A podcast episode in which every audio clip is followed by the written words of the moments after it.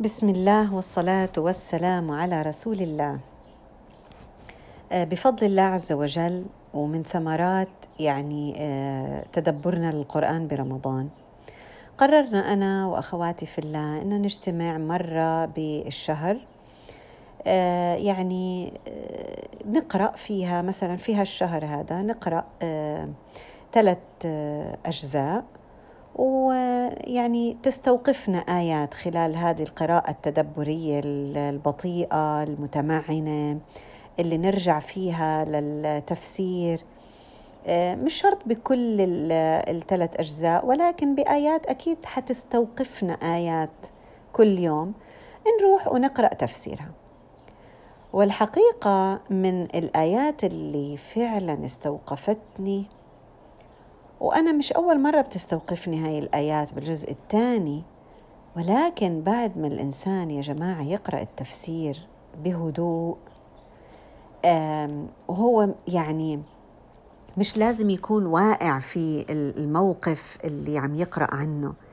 لكن في بعض الأحيان الإنسان بيحتاج إنه يطلع نفسه من المواقف يطلع نفسه من من المعترك الحياة اللي بيعيشها ويطلع على حاله وعلى حياته من فوق هيك يشوف حاله هو إيش اللي عم بيعمله في الحياة؟ كيف الحياة ماخذته هل هو مسيطر على حياته ولا هي حياته هي اللي ماخذته هل هو اللي قادر إنه يخطط لنفسه ولا هو يتبع مخططات الآخرين له؟ ف وحقيقة والله يعني بنصح بنصح كل مجموعة بتسمعني كل ما أنتوا تلاقوا هيك في مجموعة من الأخوات حواليكم حاولوا تبدأوا هيك مشروع. آه هذا لسه أول شهر بعد رمضان. فإن شاء الله من هون لرمضان القادم بيكون الإنسان تدبر ختمة تدبرية جميلة آه يعني بيحضر قلبه حتى لما يأتي رمضان يقطف من ثمار هذا التدبر. لأنه قراءة القرآن على مدى سنة أكيد بتختلف عن تدبر القرآن في 30 يوم. كل وحدة لها طعم. هاي أكيد الختمة التدبرية خلال العام بت بتعلمنا. بتخلي هذا القرآن هو اللي يرشدنا سبحان الله. بشير ونذير. طيب إيش هي الآيات اللي استوقفتني؟ الآيات اللي استوقفتني آية ولنبلونكم بشيء من الخوف والجوع ونقص من الاموال والانفس والثمرات وبشر الصابرين. لكن علشان أنا أقدر إني أنا أتدبر هاي الآية بدي أعرف إنها حتى من بدايتها ولا نبلونكم كأنها هي في كان قبلها كلام. فأنا بدي أشوف الجملة القرآنية اللي جاءت فيها. برجع. ولا تقولوا لمن يقتل في سبيل الله أموات بل أحياء ولكن لا تشعرون. برضه في تكملة للفعل هاي مش بداية الكلام. برجع للي قبلها. يا أيها الذين آمنوا استعينوا بالصبر والصلاة. إن الله مع الصابرين. يمكن هاي هي بداية الجملة القرآنية. لكن هو القرآن عبارة عن جمل قرآنية متتابعة. طيب لما الله سبحانه وتعالى متحدث مع الذين آمنوا أكيد إحنا بدنا نرعي إيش؟ سمعنا للكلام. الله بقولنا يا أيها الذين آمنوا طبعا الكلام إلنا إن شاء الله يا رب إحنا نكون منهم.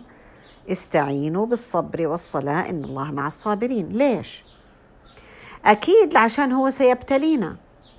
لكن هل إلها, إلها تعلق باللي قبلها؟ وإحنا لو إجينا لبداية الجزء الثاني أصلاً يعني هو بيتحدث عن تغيير القبلة وكيف إنه أهل الكتاب لما تغيرت القبلة واصلا هي تغيير القبلة كان بسبب إنه كل اللي قريناه بالجزء الأول اللي هو نقض المواثيق اللي كانت بين بني إسرائيل والله سبحانه وتعالى. ويعني والله يا جماعة يعني لسنا عن ذلك ببعاد يعني عن هاي التصرفات ما هي شو هي نقد المواثيق؟ دائما الله سبحانه وتعالى بيقول إيش؟ أولئك الذين اشتروا الحياة الدنيا بالآخرة. يعني هم إيش دفعوا؟ قالوا إحنا ما بدناش الآخرة بدنا نشتري إيش؟ الحياة الدنيا. وبالتالي نقضوا كل العهود اللي بينهم وبين الله عز وجل. وإحنا بنعرف إنه الجنة حفت بالمكاره والنار حفت بالشهوات. يعني كل شيء الواحد بيمشي حسب شهواته قد تقوده إذا ما كان حدد هيك عمل يعني صنفرة وظبط آه، هاي الشهوات تقود إلى النار. والجنة دخولها مش سهل. حفت بالمكاره لأنه أكيد الإنسان بده يعمل يعني يتخطى ما يكرهه من أجل الله سبحانه وتعالى. فبسبب نقض بني إسرائيل للمواعي للعهود والمواثيق بينهم وبين الله عز وجل آه، وبينهم وبين موسى عليه السلام آه، الله سبحانه وتعالى وبعد ما أعطاهم قال لقد كرمنا بني إسرائيل وفضلناهم على العالمين ليش؟ لأنه آه، بعث فيهم أنبياء ورسل وأعطاهم ال ال يعني الفرص لكنهم هم أصروا يعني بموقف وراء الآخر إنهم هم بدهم يشتروا الحياة الدنيا.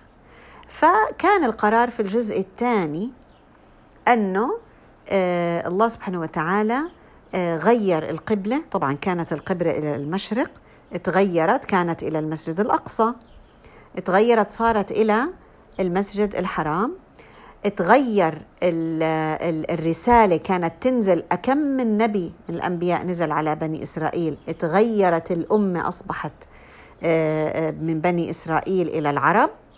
وطبعا آه، تغير الدستور من التوراة إلى القرآن الكريم. فهون طبعا بنشوف إنه الجزء الثاني بيبدأ بهذه القوة وبهذا التغيير.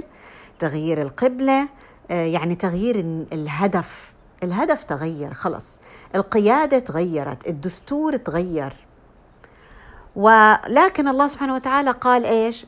لا لا يضيع الله صلاتكم. ما راح يضيعها عليكم اللي كانوا آه، لأنهم بعد ما تغيرت القبلة. طبعا آه، عهدنا بالصحابة دائما. أول شيء بيسألوا عنه إيش؟ الصلاة. فقالوا يا رسول الله طيب الناس اللي كانوا يصلوا المسجد الأقصى وقبل ما يعرفوا بتغير القبلة وماتوا.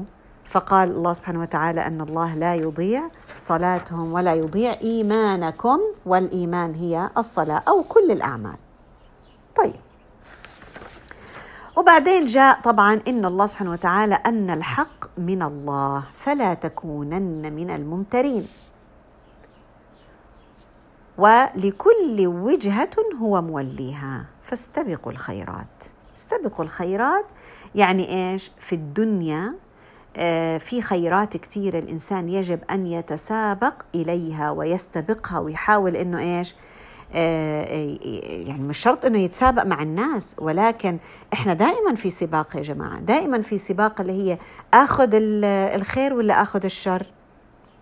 هل معقول الإنسان ممكن يختار الشر؟ آه طبعا ممكن يختار الشر. يعني مثلا آه، أقوم أنا أتعب وأساعد في خدمة المجتمع تبعي ولا آه، أضلني مرتاحة وقاعدة؟ هذا شر مع إنها راحة. لكن مش في كل راحة دائما بيكون في الخير إلنا. الخير دائما بيكون في الحركة. إذا استبقوا دائما حاولوا إنكم تاخذوا الخيرات. طب أنا كيف بدي أنا أخذ. الخيرات هاي فعلا؟ بدي أعرف أنه ما جاء به الرسول صلى الله عليه وسلم هو الخير. قال صلى الله سبحانه وتعالى كما أرسلنا فيكم رسولا منكم يتلو عليكم آياتنا وإيش؟ ويزكيكم وإيش؟ ويعلمكم الكتاب والحكمة ويعلمكم ما لم تكونوا تعلمون. بدكم تفتحوا دينيكم وقلوبكم وأعمالكم وأيديكم والفرص اللي قدامكم بدكم تحاولوا إنكم إيش تستبقوا هذه الخيرات لأنه هذا هو ما جاء به الرسول صلى الله عليه وسلم خاتم الأنبياء بالرسالة الجديدة.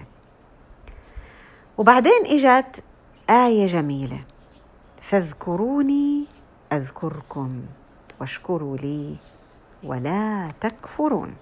يعني حتى أصل إلى هذا الحق ولهذا الهدف اللي إحنا عم نحكي عنه اللي جاء به الرسول صلى الله عليه وسلم عشان يعلمنا ويزكينا ونزكي أنفسنا.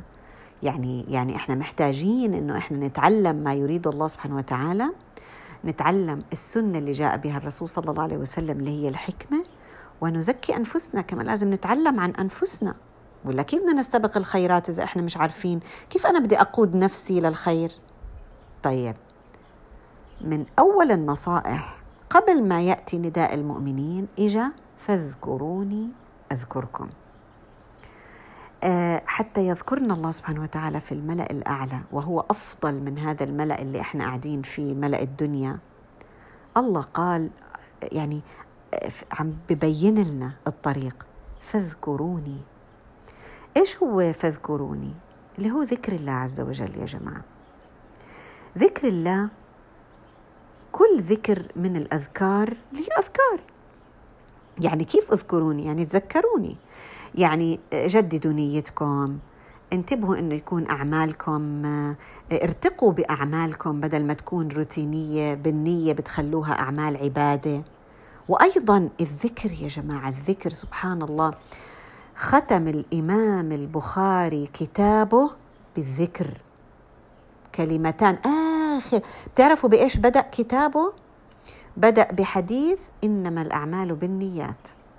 وأنهى كتابه الصحيح بكلمتان خفيفتان على اللسان ثقيلتان في الميزان حبيبتان إلى الرحمن. سبحان الله وبحمده. سبحان الله العظيم. وسبحان الله إحنا دائما دائما في عنا بكل حياتنا من أول ما نصحى لحد ما نرجع ننام في أذكار. ليش؟ عشان نضلنا إحنا متذكرين إحنا ليش عايشين. ما هو إيش هو الذكر؟ الذكر يعني لما أنا أذكر الله سبحانه وتعالى بلساني هذا اللسان لابد أن يقع في القلب. كيف؟ لأنه الذكر باللسان بتحكم بالأفكار وبالتالي الأفكار تتحكم بالمشاعر وهدول كلهم بتحكموا بالسلوك. فالله بقول فاذكروني. وهذا انت لما تذكروني مش رايحة. على البلاش. لا أنا سأذكركم. يا سلام شوفوا التفاعل بين الأرض وبين السماء التفاعل بين الدنيا والآخرة. علينا أن نعرف إنه كل ذكر من الأذكار له خاصية وله ثمرة. التهليل وهو أفضلها. ثمرته التوحيد. والتوحيد الخاص يعني التوحيد العام يحصل لكل مؤمن. أما التوحيد الخاص هذا اللي اللي كل إنسان بنميه في قلبه ما بينه وبين الله عز وجل هذا بيصير بهاي الأذكار. آه، التكبير لا يعني الله أكبر. ثمرته التعظيم والإجلال لله سبحانه وتعالى. الحمد والأسماء التي معناها الإحسان والرحمة مثل الرحمن الرحيم الكريم الغفار. ثمرتها ثلاث مقامات الشكر والرجاء والمحبة. سبحان الله. فما هو مين اللي بذكر؟ إلا المحب. وهاي المحبة تأتي أيضا كثمرة للذكر. الله سبحانه وتعالى في الحديث القدسي يقول من عاد لي وليا فقد آذنته بالحرب. بتوعد بالحرب لمن يؤذي أولياء الله عز وجل. ننتبه ننتبه ما بنعرف. طبعا أولياء الله مخبيين. إحنا ما بنعرف مين هم الأولياء. بس مين هم بينهم الله سبحانه وتعالى في الحديث؟ ولا يزال عبدي يتقرب إلي بالنوافل حتى أحبه. فإذا أحب هلأ ال ال ال الأولياء أول شيء إيش؟ آه لا يتقرب الإنسان إلى الله بشيء أحب إليه مما افترضه الله علينا. بدنا نبدأ نتقرب إلى الله بدنا نبدأ بالفرائض. هذا أحب شيء إلى الله. وإذا ضلينا نعمل سنن نعمل نوافل إيش بصير طبعا شوفوا كيف هون إحنا عم نخرج من دائرة الراحة. شو بصير بنصير يحبنا الله عز وجل. فإذا أحببنا الله عز وجل صار سمعنا الذي يسمع به وبصرنا الذي نبصر به ويدنا التي نبطش بها ورجلنا التي نمشي بها إلى أماكن الخير. هاي يعني فاذكروني أذكركم؟ في تفاعل في تفاعل في حديث آخر من أتاني يمشي أتيته هرولة. في تفاعل يا جماعة وهذا التفاعل ما بحس فيه اللي بس بيحفظ الأحاديث بحس فيه اللي بيطبق الأحاديث سبحان الله. إذا فاذكروني أذكركم واشكروا لي ولا تكفرون. هذا الحمد هذا الشكر يعني هذا الحمد يؤدي إلى الشكر وإلى الرجاء وإلى المحبة. شوفوا كيف ال... شوفوا كيف الذكر قاد إلى واشكروا لي ولا تكفرون لا تكفروا ب... طب يعني هلأ الله سبحانه وتعالى لما يتحدث عن الذين اللي بيذكرهم الله معقول يكونوا كفار؟ لا عشان نفهم انه مش كل كلمة تكفرون معناته الله يعني فيها الكفار اللي هم المشركين بالله. إحنا مرات المؤمن قد يكفر الله نعمه بدنا ننتبه. فمش كل آية فيها إن الذين كفروا أم أم لا هدول الكفار اللي إحنا من... لا نحط حالنا بكل جملة قرآنية. نشوف حالنا. إحنا والعياذ بالله ممكن الإنسان يكفر والعياذ بالله فالإنسان دائما دائما يحتاج أن يجدد نيته. طيب ما دام إحنا نجدد نيتنا يبقى إيش؟ يا أيها الذين آمنوا نسمع. استعينوا بالصبر والصلاة. إن الله مع الصابرين. معية الله عز وجل تكون مع مين؟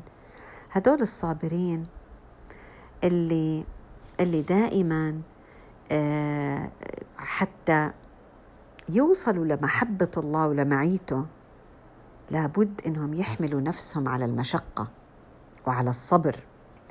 ومن أعظم الأعمال اللي بتعيننا على الصبر يا جماعة هي الصلاة ليش؟ لأنه آه، قال الله عز وجل إن الصلاة تنهى عن الفحشاء والمنكر هي هي نفسها إذا إمتى؟ إذا كانت صلاة العبد صلاة كاملة كل ما كانت قريبة من الكمال يعني فيها تركيز وفيها خشوع كل ما هاي الصلاة نهتنا عن الفحشاء والمنكر ما بين الصلاتين. طيب إذا إذا هاي هيك كانت صفة الصلاة رح تنهانا عن الفحشاء والمنكر معناته إيش حيصير بالمقابل؟ معناته سنمتثل لأوامر الله عز وجل. ونجتنب نواهي وهاي هي الصلاة التي أمر الله سبحانه وتعالى بها إنه إحنا نستعين فيها على كل شيء. آه. يعني كأنه الآيات عم بتقول لي صبر وشكر. في عندي شكر بالأول صح؟ فاذكروني أذكركم واشكروا لي ولا تكفرون نعمي. يعني بدكم تتفكروا بدكم تحطوا قلبكم بالذكر. وتاني شيء بدكم تحطوا قلبكم بالصلاة وتتصبروا عليها. هذا الكلام كله الشكر مع الصبر بنحضر حالنا لشيء معجونة فيه الحياة الدنيا اللي هو الابتلاء سبحان الله. بس قبل ما نيجي ولنبلونكم في عندي جملة اعتراضية هيك. ولا تقولوا لمن يقتل في سبيل الله أموات بل أحياء ولكن لا تشعرون. معناته آه يعني كون الله سبحانه وتعالى مع هدول الصابرين مثل ما شفنا بالآية السابقة معية يعني الله سبحانه وتعالى مع هدول الصابرين كون الله معهم لا يمنع أن يستشهد منهم شهداء. ولكن هذا من ثمرات كون الله معهم. سبحان الله أنا هذا الكلام يا جماعة عن جد طير عقلي. يعني من ثمرات إن الله معهم استشهدهم. فهدول لما استشهدوا حظوا و آه، وانتصروا بسعادة الحياة الآخرة. طب واللي ضلوا؟ اللي ضلوا إن شاء الله آه، حظوا بسعادة النصر. وأيضا رح يكملوا طريقهم في الحياة الدنيا وسيبتليهم الله ولنبلونهم بشيء نبلونكم بشيء من الخوف والجوع. يعني هذه هي الحياة الدنيا. الحياة الدنيا ابتلاءات. مش معناته إن الله مع الصابرين معناته هدول لن يمسهم شيء أبدا. هذا كلام مش مزبوط عشان إحنا مرات بنفكر إنه طب ما أنا هيني ضحيت وهيني أنا آه، عم بعمل أعمال لله وهيني أنا عم بصبر وهيني عم بظبط صلاتي وعم بعمل صيام وكذا وكذا. طيب ليش الله سبحانه وتعالى بيبتليني؟ المفروض إنه إيش؟ إحنا بنقيسها على على حالنا إحنا. يعني إذا أنت مثلا كان لك ابن وهذا الابن كان يساعدك ويعمل لك ويسوي لك مستحيل إنك أنت تيجي وتحطيه في اختبارات صعبة. حتحاولي تخففي عنه وتعطيه فلوس أكثر ومحبة أكثر فإحنا منخي... بنتخيل طبعا ولله المثل الأعلى إن الله سبحانه وتعالى بده يعاملنا بنفس الشيء. لا بس إحنا تعاملنا مع الله يا جماعة في فرق. إحنا تعاملنا مع أولادنا مع أزواجنا مع أصحابنا مع إخواننا. هذا التعامل أمهاتنا أبائنا هذا كله تعامل في محور الحياة الدنيا. بس في عبارة عن إيش؟ بعد واحد. بس تعاملنا مع الله عز وجل في بعدين في بعد الحياة الدنيا والحياة الآخرة. والله قالنا هاي الحياة الدنيا هي اختبار أصلا وقالنا هاي الحياة الدنيا حياة ليس لها وزن في الحياة الآخرة. وقالنا إنه عشان توصلوا للحياة الآخرة لازم تتعبوا شوي في الحياة الدنيا. هيك هيك ها هيك ربنا خلقها. يعني هذا هو ديدنها. هذه حقيقتها. هي لا تسوى عند الله جناح بعوضة. لو كانت أن تسوى عند الله جناح بعوضة لما سقى منها كافرا شربة ماء. لكن هي ما بتسوى عند الله عز وجل. فإحنا شو بنيجي بنفكر فكر إنه علاقتنا بالله عز وجل في ضمن البعد الواحد. لا. الله في البعد الحياة الآخرة ما فيها ابتلاءات. خلص الحياة الآخرة اللي بيحبهم واللي عملوا أكتر بدهم ياخذوا أكتر. الحياة الدنيا معاملتنا مع بعض اللي بحبه أكتر بعطيه أكتر. بينما تعاملنا إحنا هلأ مع الله وإحنا في الحياة الدنيا ما ما بزبط عليه ما بزبط نقيس على علاقتنا بالله عز وجل علاقاتنا مع بعض. وإلا على فكرة بصير عندنا انفصام بالشخصية عشان هيك بتلاقوا في ناس كتير بيفصلوا بين الدين والدنيا إنه أنا خليني عايشه حياة الدنيا آه، مبسوطة والدين خلص أنا هيني بصلي وبعمل اللي علي وما تقولوليش عيشي الحياة الدنيا في عيشي ب... يعني بدينك بالحياة الدنيا آه ليه؟ لأنهم ما جربوا أو لأنهم عم بيحاولوا إيش؟ يريحوا حالهم إنه ما هي أنا بعبد بعبد بعبد بس الله بيبتليني. آه ما إحنا مش قادرين نشوف. في في إشي. شوفوا هاي الآيات. هون الآيات بتحط النقاط على الحروف. قال إن الله مع الصابرين ولا تقولوا لمن يقتل في سبيل الله. هدول الصابرين هدول في أرض المعركة واللي واللي فعلا اللي قدروا إنهم ما هو مين اللي بيروح يقاتل في سبيل الله؟ اللي تعود على الصبر. طيب. هدول لا تقولوا عنهم أموات. آه بس إحنا عندنا في حياة الدنيا ماتوا. آه لأنكم أنتم بتقيسوا في إيش؟ في بعد الحياة الدنيا. لكن هم لما انتقلوا للبعد الآخر لا تقولوا عنهم أموات. ولا هم أحياء. بس أنتم ما بتشعروا. ليه؟ لأنكم أنتم لساكم في الدنيا. أها. إذا إذا لا يمنع كونهم صابرين وإنهم مع الله عز وجل أن يستشهدهم. طيب يبقى من المعلوم إنه المحبوب لا يتركه العاقل إلا لمحبوب أعلى منه وأعظم منه. فأخبر الله سبحانه وتعالى أنه من قتل في سبيله آه، بأن يعني اللي قاتل في سبيل الله حتى تكون كلمة الله هي العليا ودين الله هو الظاهر مش لأي غرض من أغراض الدنيا. هذا لم ي... لم تفته الحياة المحبوبة. ما تفكروا. لكن حصل له حياة أعظم وأكمل من اللي إحنا بنظنها وبنفكر ما إحنا أصلا مو شايفين هالحياة الثانية إحنا شايفين هاي الحياة. فإحنا اللي شفناه إنه هو فارق هذه الحياة. فحسينا كأنه إيه ومات. يعني إحنا ما شفنا هو وين راح. شفنا إنه صار في قتل وصار في دم وصار في كذا وانفصال انفصل عنا. وإحنا إحنا شعرنا بألم هذا الانفصال. فحسينا إنه كأنه صار فيه هو إشي إيش؟ ضرر إله.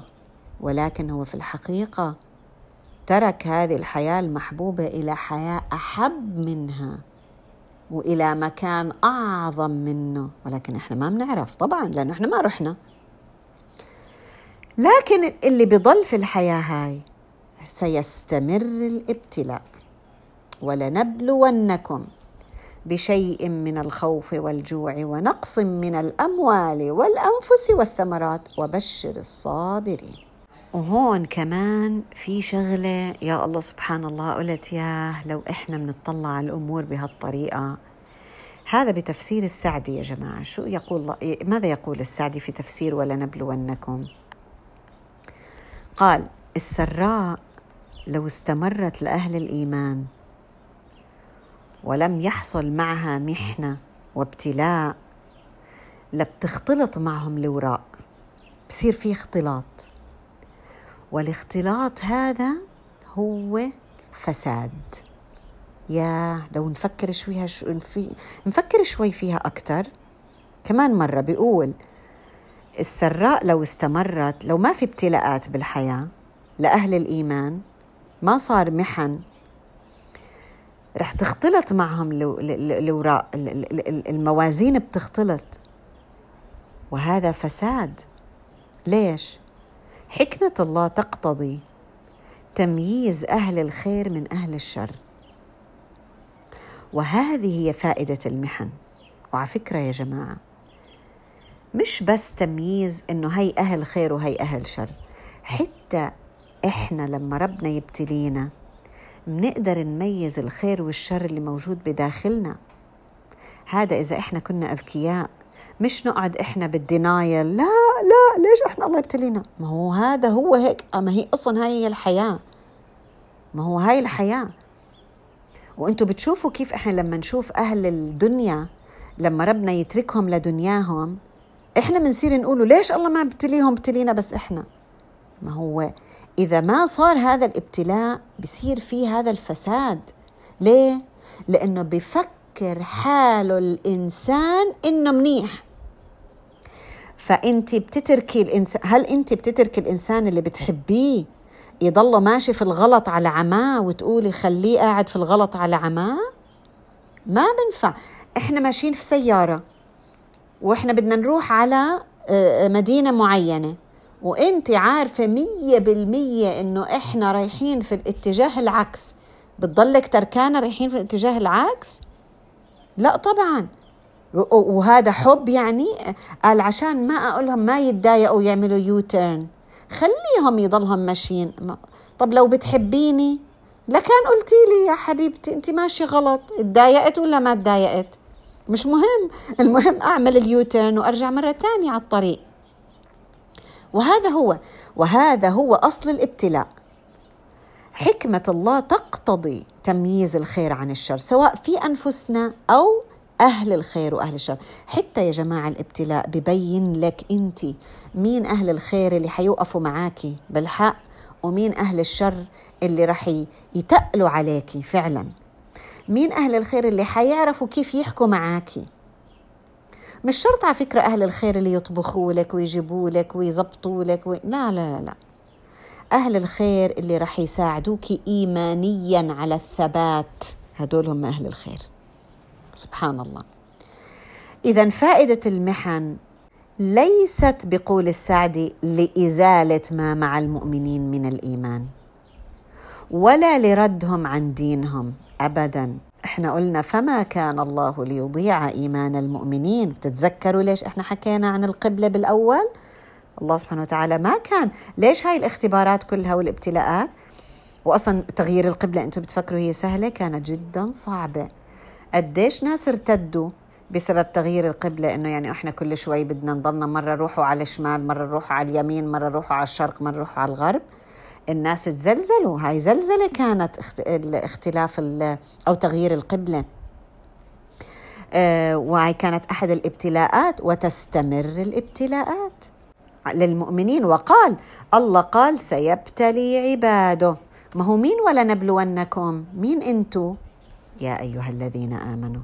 شفت ليش لازم كان نرجع للجملة القرآنية؟ الكلام للذين آمنوا الله بده يبتليهم. مش لغير المؤمنين. سيبتليهم بإيش؟ بشيء من الخوف، من وين الخوف؟ من الأعداء، من عدم الأمان، آه، والجوع يعني بشيء يسير من بشيء الله قال بشيء من الخوف والجوع ونقص من الأموال والأنفس والثمرات. سبحان الله. لو قال الله ولنبلونكم بالخوف والجوع كان إحنا هلكنا. لكن هي شيء شوفوا هذا كله اللي إحنا بنشوفه وكل واحد على حسب إيش قديش ربنا بده إياه يربي نفسه وقديش بده يرتفع في الحياة الآخرة لأنه لا يشترط أن يكون آه، عدم ابتلاء الله للإنسان رضا منه أبدا. على فكرة. ولا ك يعني يعني سبحان الله كل ما كان في ابتلاء كل ما كان في تمحيص ليمحص الذين آمنوا. يبين الخير من الشر في قلوبنا الخير من الشر في قراراتنا الخير من الشر في الناس اللي حوالينا الخير من الشر في الناس اللي عم نشوفهم. سبحان الله في العالم. اذا المحن والابتلاءات تمحص ولا تهلك. عمركم شفتوا حدا يعني هلك من الابتلاءات؟ إلا إذا كان الله سبحانه وتعالى قرر إنه هذا الابتلاء سيكون هو القاضي على هذا الإنسان. وهل ممكن يكون الإنسان كويس وربنا يهلكه في مرض بدون ما يشفيه؟ طبعا. طبعا. يعني يعني يعني مش معناته الإنسان كويس ومؤمن وبيرفع إيده ويدعو الله سبحانه وتعالى معناته الله سبحانه وتعالى بده يستجيب دعائه ويشفيه مية بالمية. لا. يمكن الشفاء ما في خيره. خيره موجود في إنه هو يستمر في هذا الابتلاء في إيش؟ تواضع لله عز وجل. إلا أن الله سبحانه انا نحن يعني دائما نحن نقول اللهم اجعلنا آه، عبيدة عافية ولا تجعلنا عبيد ابتلاء. لكن إذا جاء الابتلاء نسأل الله سبحانه وتعالى الصبر ونسأل الله سبحانه وتعالى أن نتعامل مع هذا الابتلاء بما يرضيه. لأنه الله بقول وبشر الصابرين الذين إذا أصابتهم مصيبة قالوا إنا لله وإنا إليه راجعون. إحنا مملوكين لله. يعني إحنا تحت أمره وتصرفه. لذلك إنا لله وإنا إليه راجعون. أنفسنا أموالنا أولادنا حياتنا. فإذا ابتلانا هذا الرحمن الرحيم ما إحنا إحنا لما نعرف إيش يعني إنا لله وإنا إليه راجعون. إيش يعني الله قال إن الله مع الصابرين؟ ما إحنا ليش أصلا بدينا فاذكروني أذكركم واشكروا لي ولا تكفرون تذكروا الرحمن الرحيم لما يبتلي هو من يبتلي المماليك تبعونه اللي اللي هو بتصرف في أمرهم وبأموالهم.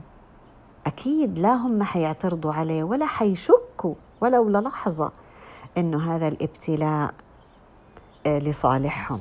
لذلك لما نقول إنا لله يقول المفسرون اللام هون للملك يعني إحنا ملك لله. شوفوا كيف إحنا ملك لله وايش يعني راجعون؟ بذكروا بتذكروا الآخرة عشان تهون عليهم مصائب هذه الدنيا. إنا لله وإنا إليه راجعون حتى نجد إيش؟ أجر هذه المصيبة. عشان هيك الإنسان إذا أصابته مصيبة إيش يقول؟ يقول إنا لله وإنا إليه راجعون. اللهم أجرني في مصيبتي واخلف لي خيرا منها. هاي الكلمات سبحان الله هي ملجأ. كيف الإنسان يعني بيكون خايف وبروح بلجأ لمكان بتخبى فيه؟ هاي هي. بتخبى بك ب إنا لله وإنا إليه راجعون. ليه؟ لأنها آه، هي توحيد لله إقرار له بالعبودية وإقرار بالبعث. وهذا كله برجع بذكرنا ببداية آية سورة البقرة سبحان الله دائما بذكرنا بلا إله إلا الله وأن اليوم الآخر سيأتي لا محالة. وبالتالي كل الظلم وكل هذا الألم سينتهي لما نجد النتيجة. هذا اليقين إنه سنرجع إلى الله سبحانه وتعالى وكل الأمور سترجع له إلى إلى الله العدل.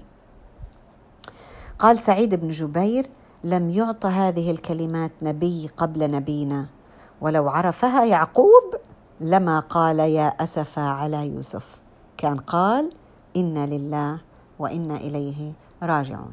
لذلك إحنا دائما يعني نسأل الله العافية لكن هذا هو هذه هي الحياة الدنيا. الإنسان إن كان معافى إيش يسوي؟ إذا كان في ابتلاء بده يلجأ إلى إيش؟ الكهف اللي هو إنا لله وإنا إليه راجعون. هذا الأمان. طب وإذا لم يكن مبتلى في العافية بروح للذكر. فاذكروني أذكركم واشكروا لي ولا تكفرون. الله يجعلنا من الذاكرين الشاكرين الحامدين لله عز وجل. آمين يا رب العالمين.